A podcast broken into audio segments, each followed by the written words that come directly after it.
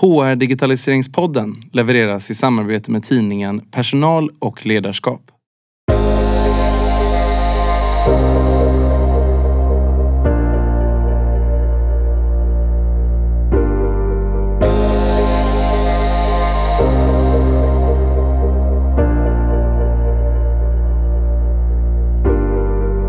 För er som har lyssnat på podden länge så har ni hört Josh Burson refereras till flera gånger.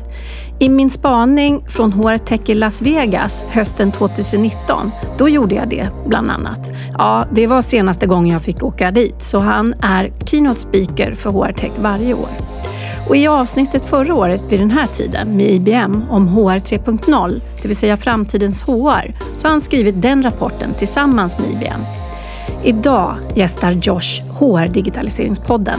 Han är en person som har tillbringat de senaste 20 åren med att analysera HR och HR Tech-marknaden och har träffat många av HR-ledarna i världen. Han driver ett företag och ett utbildningsinstitut i sitt eget namn. Jag fick drygt 30 minuter med Josh för att få hans perspektiv vad som kan vara viktigt för oss i Sverige. Vi pratar fokus för 2022, metaverse, intressant tech just nu och att egentligen är det inte tekniken utan inställningen till vad vi gör. Och så har han ett speciellt råd till oss svenskar, att vi ska ta tillvara på det som är unikt för oss. Och det är vår tillit i organisationer och vår kollektivism. Jag blir verkligen nyfiken på vad ni tycker om den kommentaren. Det här avsnittet sponsras av Personio. Personio är ett HR-system utvecklat för små och medelstora företag med mellan 10 och 2000 anställda. Personios uppdrag är att göra HR-processer så tydliga och effektiva som möjligt så att du som jobbar på HR kan fokusera på det som är viktigast, människorna. Personio erbjuder en heltäckande HR-programvara som omfattar hela medarbetarens livscykel i företaget. Det betyder bland annat onboarding, personaldata, rekrytering och lönehantering så att ert HR-team kan arbeta i ett bredare HR-fokus. Tack vare automatisering av arbetsflöden hjälper Personio fler än 5 000 kunder i Europa att få bort fördröjningar och kan på ett enkelt sätt genomföra sina affärskritiska aktiviteter inom rekrytering, utveckling och hanteringen av sin personal. Om du vill veta mer om hur ditt företag kan växa med Personio, Europas högst värderade HR-techbolag, gå till personio.com och boka en demo.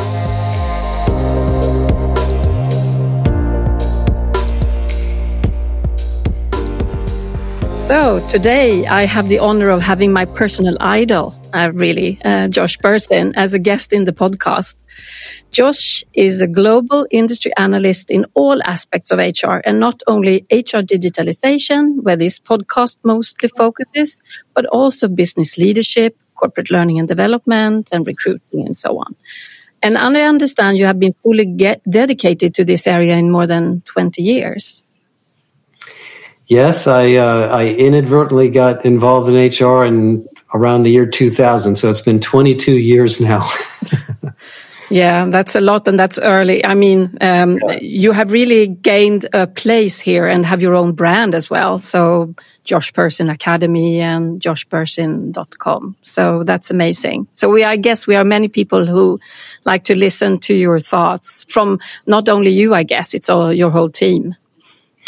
Yeah, I mean, it's really it's it, listen. I uh, this is not really about me. I'm I I really respect and honor this profession. I really didn't know how important it was when I became an analyst in the early days, and every day I realize more and more how vital it is for the economy and employees and companies and everybody. So I have followed you um, since I started in this business. So I've been working with technology or digitalization for HR in, in 10 years since I, I, I did that in IBM from the beginning. Uh, but I just want to say so much welcome to this uh, recording and hope the listeners who are Swedish then and will have to listen to an English podcast for once, uh, and I hope they really enjoy it. And I also want them to to think about and just follow you, look at all the materials afterwards that uh, you have on your site and so on. Thank so. You. Just to give some context, um, so the Swedish Swedish um, companies uh, and how they are digitalized, just for the audience to remember where they are uh, themselves as well, is that we have some large uh, corporations uh, that you know about, like IKEA's and the Spotify's and the Ericssons and so on, and they are usually quite digital. And we talk that that Sweden in itself is quite digitalized, but when it comes to the the big bulk of organizations like the big public sector and small and medium businesses, the, the level of digitalization, when we talk about people focused uh, digitalization, is very, very low. It's uh, quite behind. So I thought it would be interesting to talk about um, what in their context. So maybe be, take a step back and not think that they have everything in place. That's not true. It's a, uh, it's a lot of people, and they don't have people any. They are quite small teams, um, mm-hmm. legacy type of organization. There are no HR tech specialists and so on in these teams. So just to to have that as a backdrop. And I've been reading your predictions, uh, HR predictions for 2022. So the first question I have for you is what do you think are the biggest challenges um, for HR in 2022? Sure. Well, you know, just getting back to what you just mentioned, Anna, um, technology is less important than you think. It is clearly an issue and a part of our lives, and we have to live with it and we have to use it. But the big story for 2022 is coming out of the pandemic, giving people a sense of growth, opportunity, energy, resilience, um, and keeping them engaged with your company because the economy has boomed in most parts of the world. I assume that's true in Sweden also. Mm-hmm. And it's very hard to hire people. So most of the companies I talk to are in a panic about losing, losing people. Um, and they're raising wages, they're adding career opportunities and growth uh, they're moving people into new roles and really bending over backwards, if you know that expression. yes. that applies. Um, to try to reinvigorate their value proposition to workers. Um, so that's going to be one of the biggest things going on all year. The second thing that's going on is um, even if you're in a traditional, less digitized business, the pandemic accelerated the transformation of every company. So if you were IKEA, you probably had to deliver furniture or do other things to get people to buy your products. Spotify is going through their issues right now. Um, you know, if you're a retailer, you have to create safe delivery opportunities for people. Telecommunication companies are moving into media. Almost every company we talk to is undergoing an industry transformation, not just a digital transformation. And so uh, they're not only having a challenge in hiring the people they currently need, but they're having a challenge hiring the people that they are going to need in the future with the new skills. So, internal development, um, what I call capability academies, uh, internal talent mobility are are really um, innovations that you have to uh, invest in during 2022 if you want to keep up with the economy. So so those to me are the two big themes. And then in terms of technology in general, nobody's ever done with their technology. It's a never ending process of upgrading, evolving, planning, and making decisions on what to do. Um, uh, the, there are no radical changes, but the big change that's been going on for the last two or three years is moving away from HR technology as transactional systems for HR into employee experience systems for employees, where the HR technology is purchased and designed so that it's really easy for employees to use it first, HR second. And that's been going on for a long time, last three or four years, but that will continue this year too. I do think, by the way, one more thing just to add on. I think the metaverse is real. I think there will be, um, you know, 3D video. I think there will be 3D audio. Um, I think a year from now, you're going to look back and say, wow, you know, remote work was great a year ago, but it's way better now. so I think that'll come. I don't think we have to do anything radical in HR, but I, I think there are areas of uh, development, training, and other areas where the metaverse is already starting to take hold. So, so we'll keep track of that one too.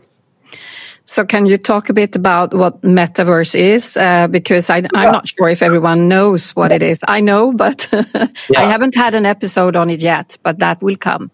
Well, um, so, you know, we all managed to use online video and Microsoft Teams and Zoom and Skype. And, you know, you, some of this came out of Sweden, really, um, for the last two years during the pandemic.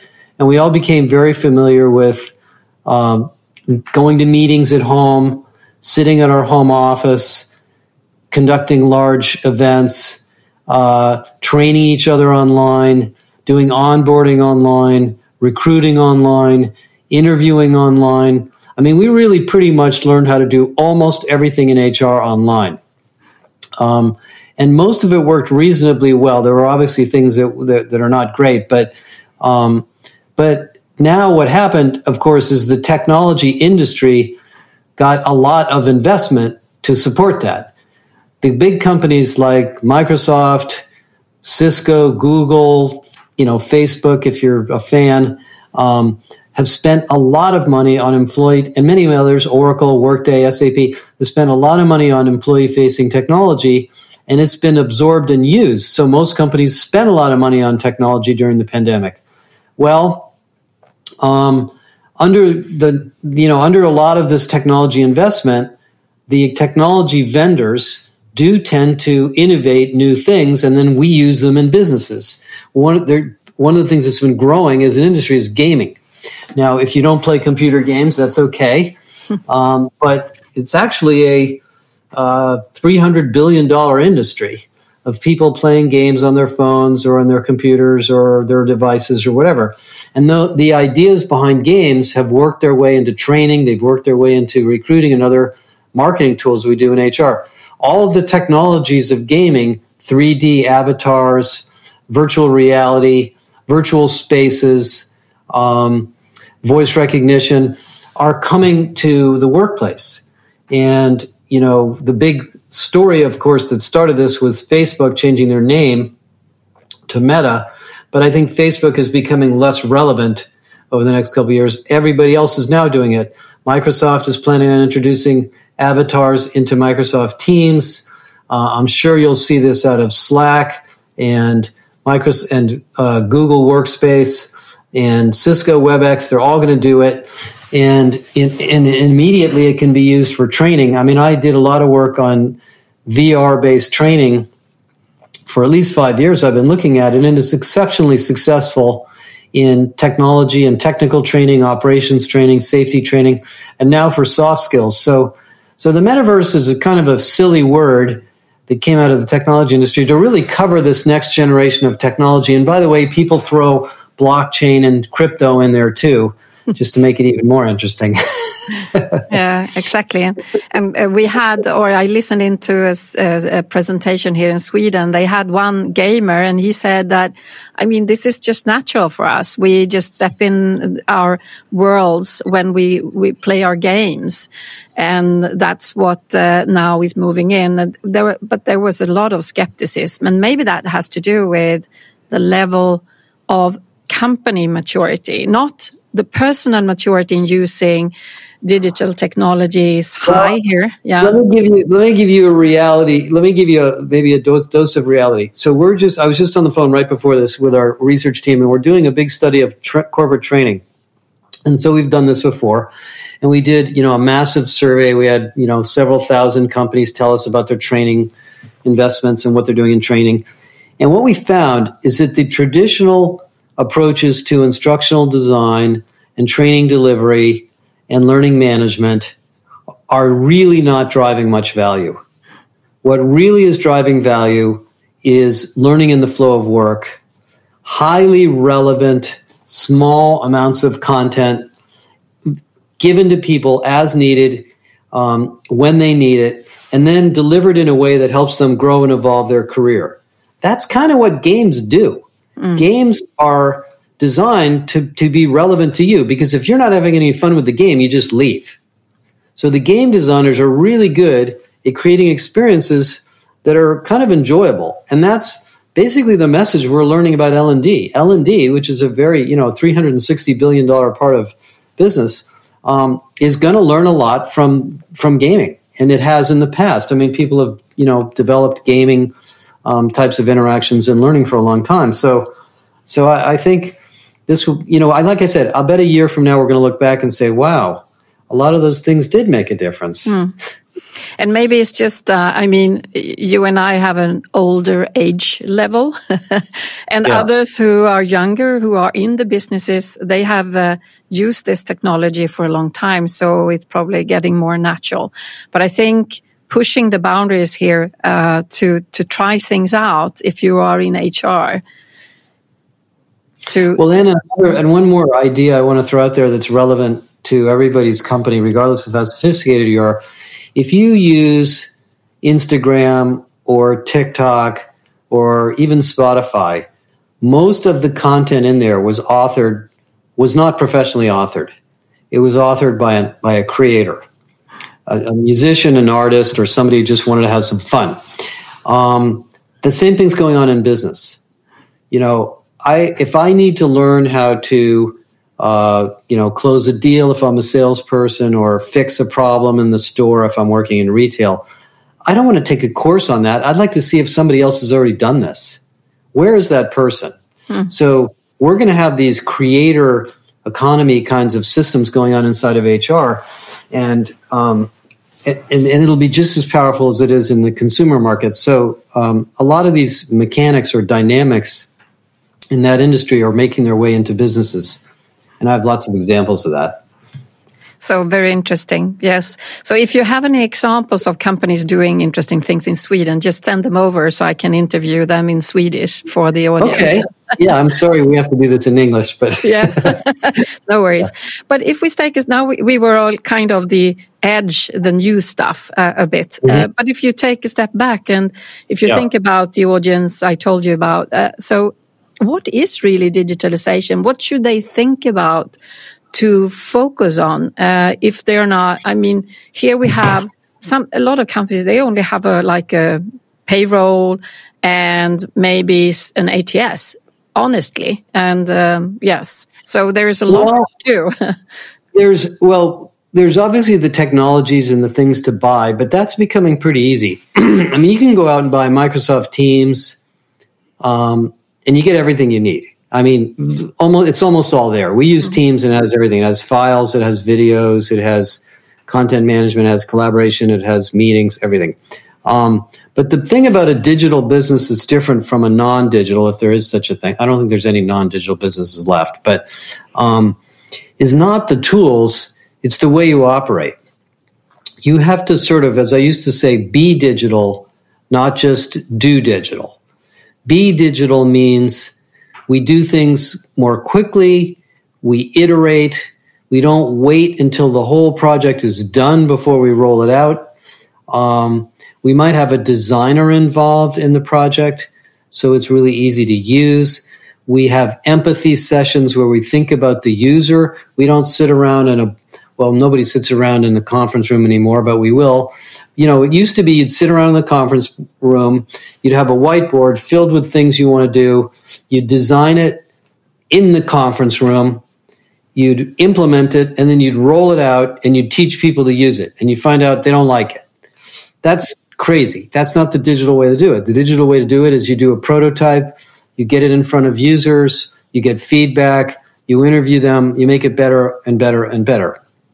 And we learned that from the pandemic. If you look at most of the things companies did for the pandemic, the remote work program, the back to work program, the well being program, whatever it was, those were designed in like a week or two. And then they got rolled out and then they got improved. So, so this, this new digital world is a way of behavior and uh, reducing bureaucracy and operating in cross functional teams that um, might include somebody in HR, somebody in operations, somebody in finance, somebody in IT, all working together on something. Th- that's what digital means to me. And then reflecting and respecting the fact that the user, who in our case is an employee, um, you know, probably need will tell us things we don't know. We don't know everything they need.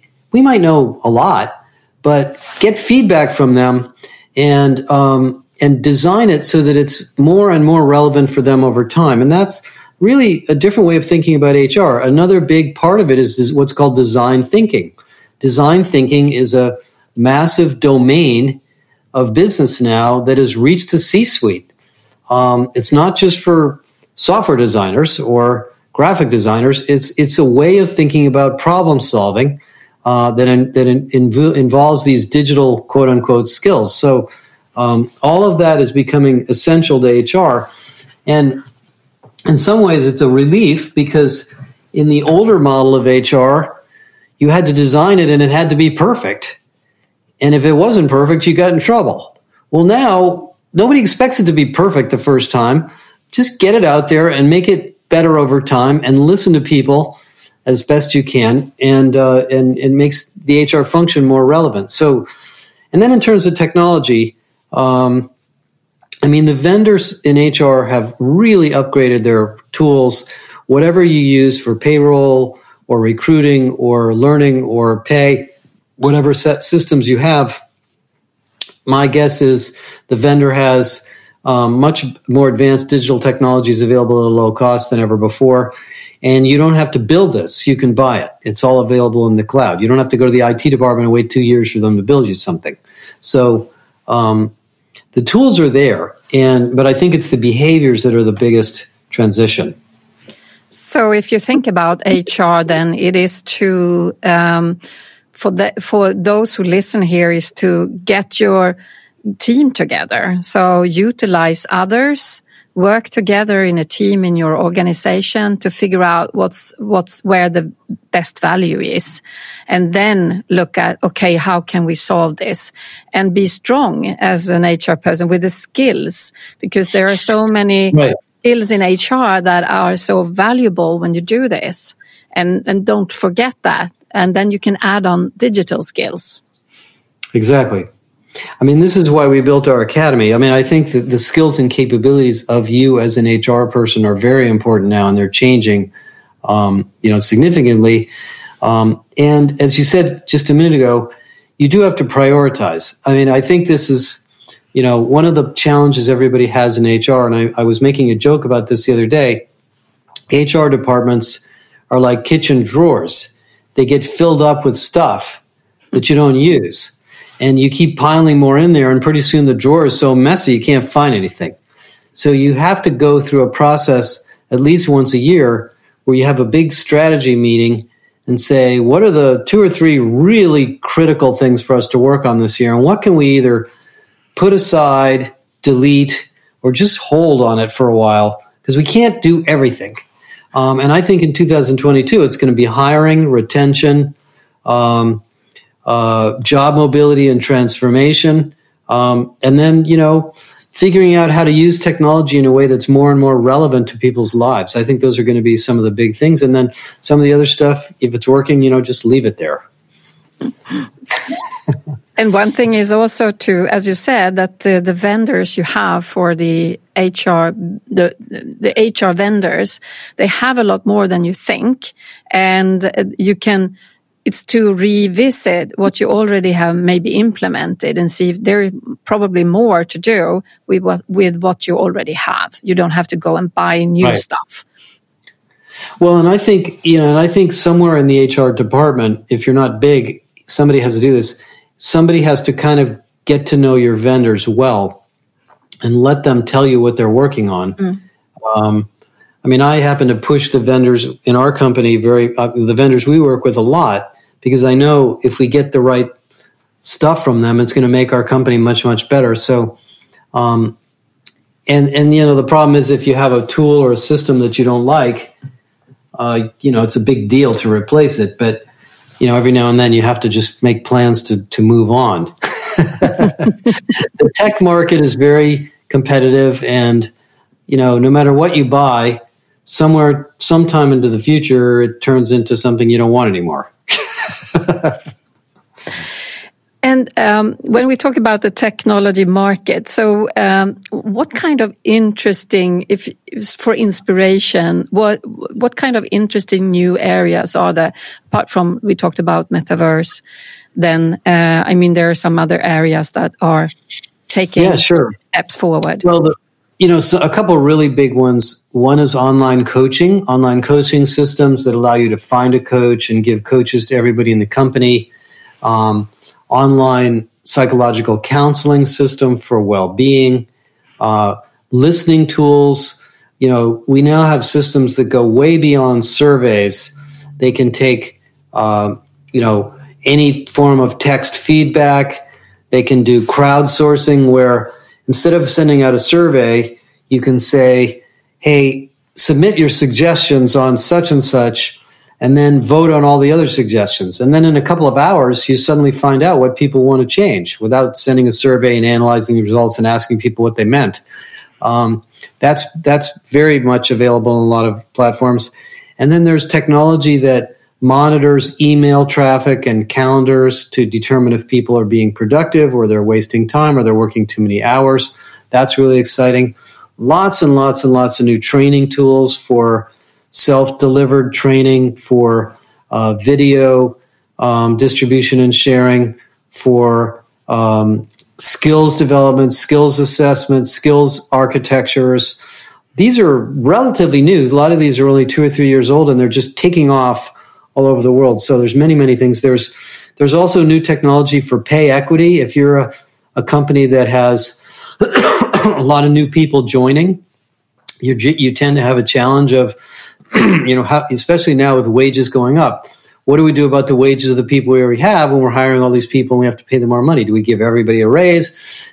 There's software that allow you to quickly understand where you may have pay equity problems. That's a big area. Um, so anyway, and then there's employee experience design tools. There's systems that um, allow you to design onboarding transitions, uh, work at home policies without having to hire a consultant to do it. Um, so all of those are, you know, fantastic technologies that are now available. Yeah, and even some uh, popping out from uh, Sweden. So, for example, a new coaching uh, company, etc. So we're seeing some here uh, interesting stuff. But if we talk about uh, let's uh, the skills and the the skills tool, I, I saw you wrote uh, an article on that just a few days ago, and th that I think was interesting uh, because it's kind of a hard area. I've been looking at this area and talking to a lot of companies here about how you really work with skills. Could you talk a bit about that that article, what you mentioned there? it's a massive topic. Um, it's very confusing, and if you read the article I wrote, it'll help sort of make some sense of it. The idea, it's not a new idea. I mean, there have been skills models, and they used to be called competency models for a long, long time. Um, but what's changed is now every piece of content can be affiliated with skills, and every job can be scanned and analyzed for skills. So for recruiting, for development, for job mobility, for continuous improvement, we have these software tools that can recommend activities or content or uh, projects related to your skills. And we can go out into the market and we can look for people and hire them based on skills, not just based on where they went to school or what job they had in the past. And more and more, as companies evolve and become more dynamic, um, it's we don't need to select and hire people based on whether they have done this job before necessarily. That's still important. But also we can you know factor much more do they have the core skills we need to learn the job? Because even if they have done the job before they're going to have to learn how to do it in our company. So skills based hiring and skills based development and skills based growth are critical. Um, what's difficult about this is a lot of companies think, oh, well, let's sit down for a couple of weeks and develop a skills model. And you all of a sudden you realize there's 25,000 skills. Everything from turning on your computer to driving to work in the morning, you know, to, you know, creating a pivot table, in Excel, they're all skills. So rather than what I call boil the ocean and try to build this gigantic, massive database, which you'll never use at all, and it'll be out of date the minute you build it. Um, we really advise companies to focus this on a particular problem area. Work on a project or an initiative that the company really, really thinks is a high priority. Maybe it's hiring software engineers. Maybe it's improving the performance of the sales team. Maybe it's getting the product out on time or making the stores more efficient. And dig into that problem and assess the skills and what I call capabilities that drive success in those areas.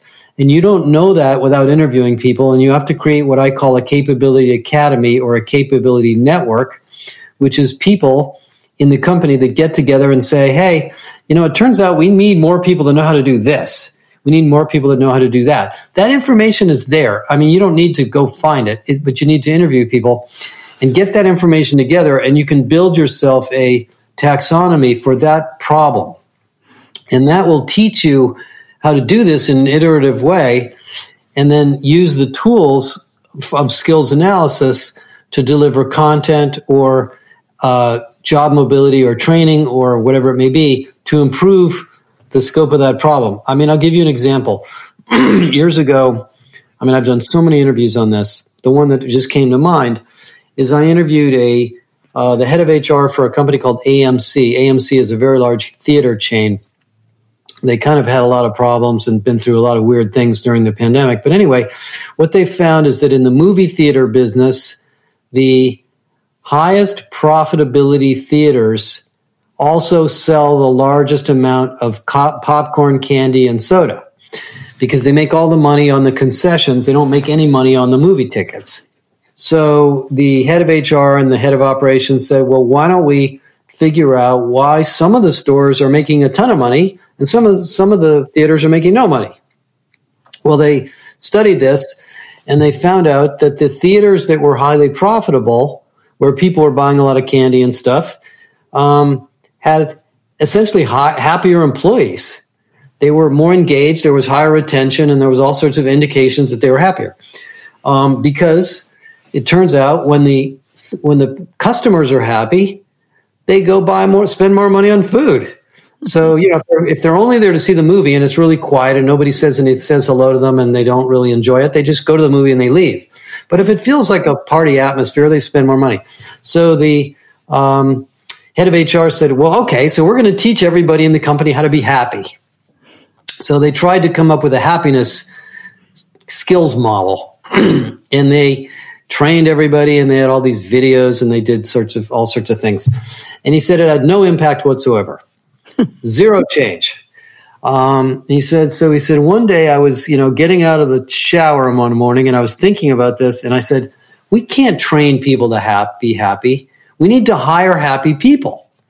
So maybe it's our hiring.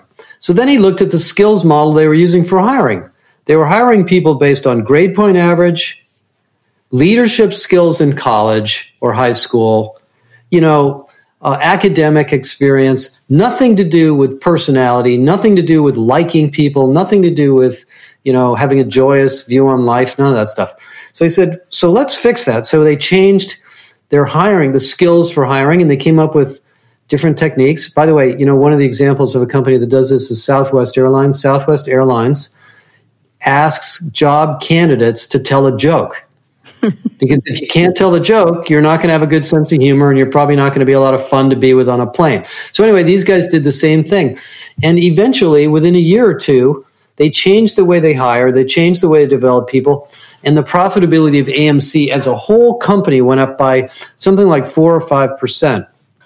And they had to dig in and figure out what this skills issue was. Now that's not the typical kind of skill where people are talking about technical skills or tech, you know, digital skills, whatever. But you have that opportunity in your company all the time. That this this is in every single company. And the difference I see also now versus, I mean, I was in one of these projects for skills taxonomy 10 years ago. Yeah. And that was heavy and, you know, it got outdated. But um, it's also nowadays when you have the AI tool to be able to help you to to assess and understand a lot more in an easy way than you had before. Isn't that true? Yes, but I would not over rely on it. The the AI for skills is not as advanced as you think. Um, you know, it will if you use tools like Eightfold or some of the advanced technologies that have a lot of data in them, they're pretty good. But an off the shelf AI assessment or AI inference engine will help, but it won't solve the problem. I, you know, if you read my article, I, I'm a big fan of applying human ingenuity to this and developing what I call the capability model yourself from which you develop skills hmm. because the business capability is not the same as the technical skill. If you if you turn on a system like Workday Skills Cloud or any of these skills technologies in the LXPs, it's just going to give you a bunch of words. It's going to say Java, it's going to say, you know, Microsoft Office, Tableau. I mean, it's just going to say, you know, those are not business skills; those are sort of operational technical skills. So, um, the AI tools are very helpful, but they're not they're not a solution in and of themselves. Mm. So there's some way to go, but uh, yep. there's also advice to get them how to do this from you, for example, and from your academy. Yes, we have we have a um, a lot of information on skills in the academy. We um, we have big reset groups of people who talk about these problems. We're writing all sorts of articles about skills. So anybody who wants to do some work on skills, just reach out to us and we'll help you uh, get yourself started. That's good. So we have been circling around uh, a lot of different topics now. So, uh, so when you think about the audience, anything you would like to raise now because we are getting uh, um, the time. time I think. I think. Well, for those of you in Sweden, I, I, have been to Sweden twice. I'd like to come back. Um, you have something that a lot of us don't have. You have a collectivist culture. You live in a country that believes in the collective good. Um, one of the biggest problems in the workforce is stress, it's burnout, it's job change. And the real, one of the reasons for that is people in many, many countries do not feel that they trust the institutions around them. And this is new research from the Edelman Group that I wrote about a couple of weeks ago. And so I think the company itself has to be a place of trust. The company has to be a place of safety. The company has to be a place of growth um, and health. And I think you have that in Sweden, from what I know. I'm sure the people at Spotify are now kind of dealing with it, but uh, thanks to what happened with Joe Rogan. But um, but I think that's something you should grab hold of and make sure you're taking care of, because of all of the things that matter at work, the most important of all is that people feel connected and belonging and that they're growing. And if they feel those senses of belonging, they will take care of the company. I mean, I've met the head of HR at IKEA. She actually, the woman that I met there is now at another company, but um, I know you guys believe in this, and I would remind yourself of the value of that in the in the company, regardless of what country you do business in. So let me leave you with that. Thank you so much for that. That was a very good ending and thank you so much for joining HR Digitaliseringspodden. Thank you, Anna. Thank you for inviting me.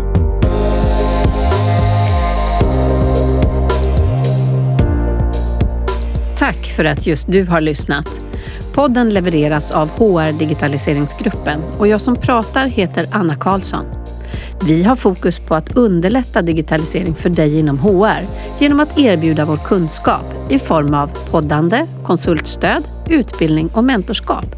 Och på det sättet skapar vi tillsammans en digital framtid för HR. Du hittar info om både podden och gruppen på hrdigi.se.